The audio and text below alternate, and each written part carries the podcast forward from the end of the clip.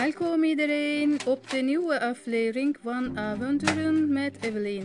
Vandaag ben ik met een bijzondere gast die gaat over het leven in een centrum en hoe wordt ze een kunstenaar vertellen. Hallo iedereen, ik heet Azra en ik ben nu 16 jaar oud. Ik kom uit Turkije. Mijn verhaal bevat pijn, angst, geluk, buitenlanderen en kleuren. Ik moest om politieke redenen uit mijn land ontsnappen. Het was niet gemakkelijk hoor. Onzekerheid. Wachten om twee jaar op een veilige plek te zijn. Uiteindelijk heb ik naar België gekomen. Ik heb nooit geguld tijdens deze reis. Ik heb altijd iets gevonden om positief te zijn. Ik barstte van opwinding om een heel andere pure start te hebben. Maar toen ik aankwam in het centrum, barstte ik in tranen uit. Het was gewoon moeilijk voor mij om hier te wonen. In een kamer met vijf personen. Geen privacy. Gebruik maken van het toilet met iedereen die woont in dezelfde blok met mij.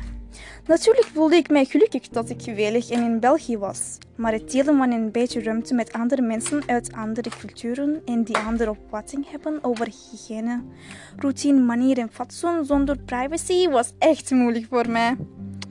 Gelukkig was mijn school goed en had ik een paar vriendinnen.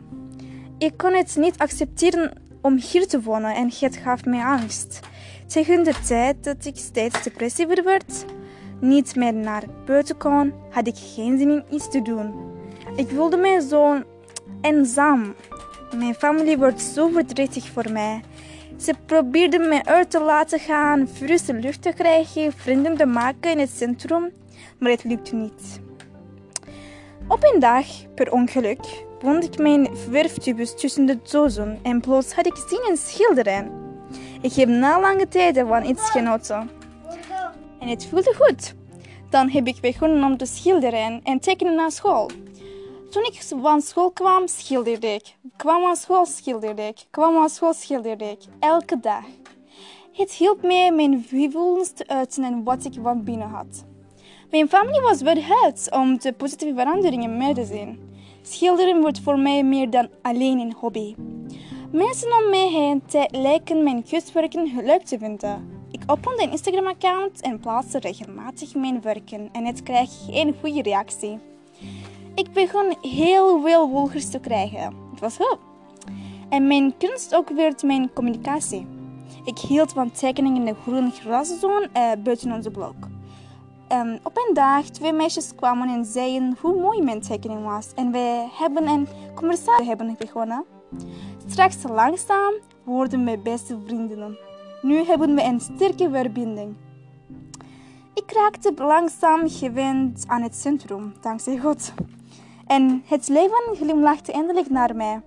En nu heb ik de reputatie in de hele land en dit laat zien hoeveel kunst mijn leven en gezichtspunt heeft veranderd. Ik hou van kunst en mijn kunst. Het was zo mooi om over uw verhaal te horen. En wij waarderen uw kunst enorm. Dit is het einde van de podcast van vandaag. Blijf gezond, blij en bij jou, geliefden. Tot straks!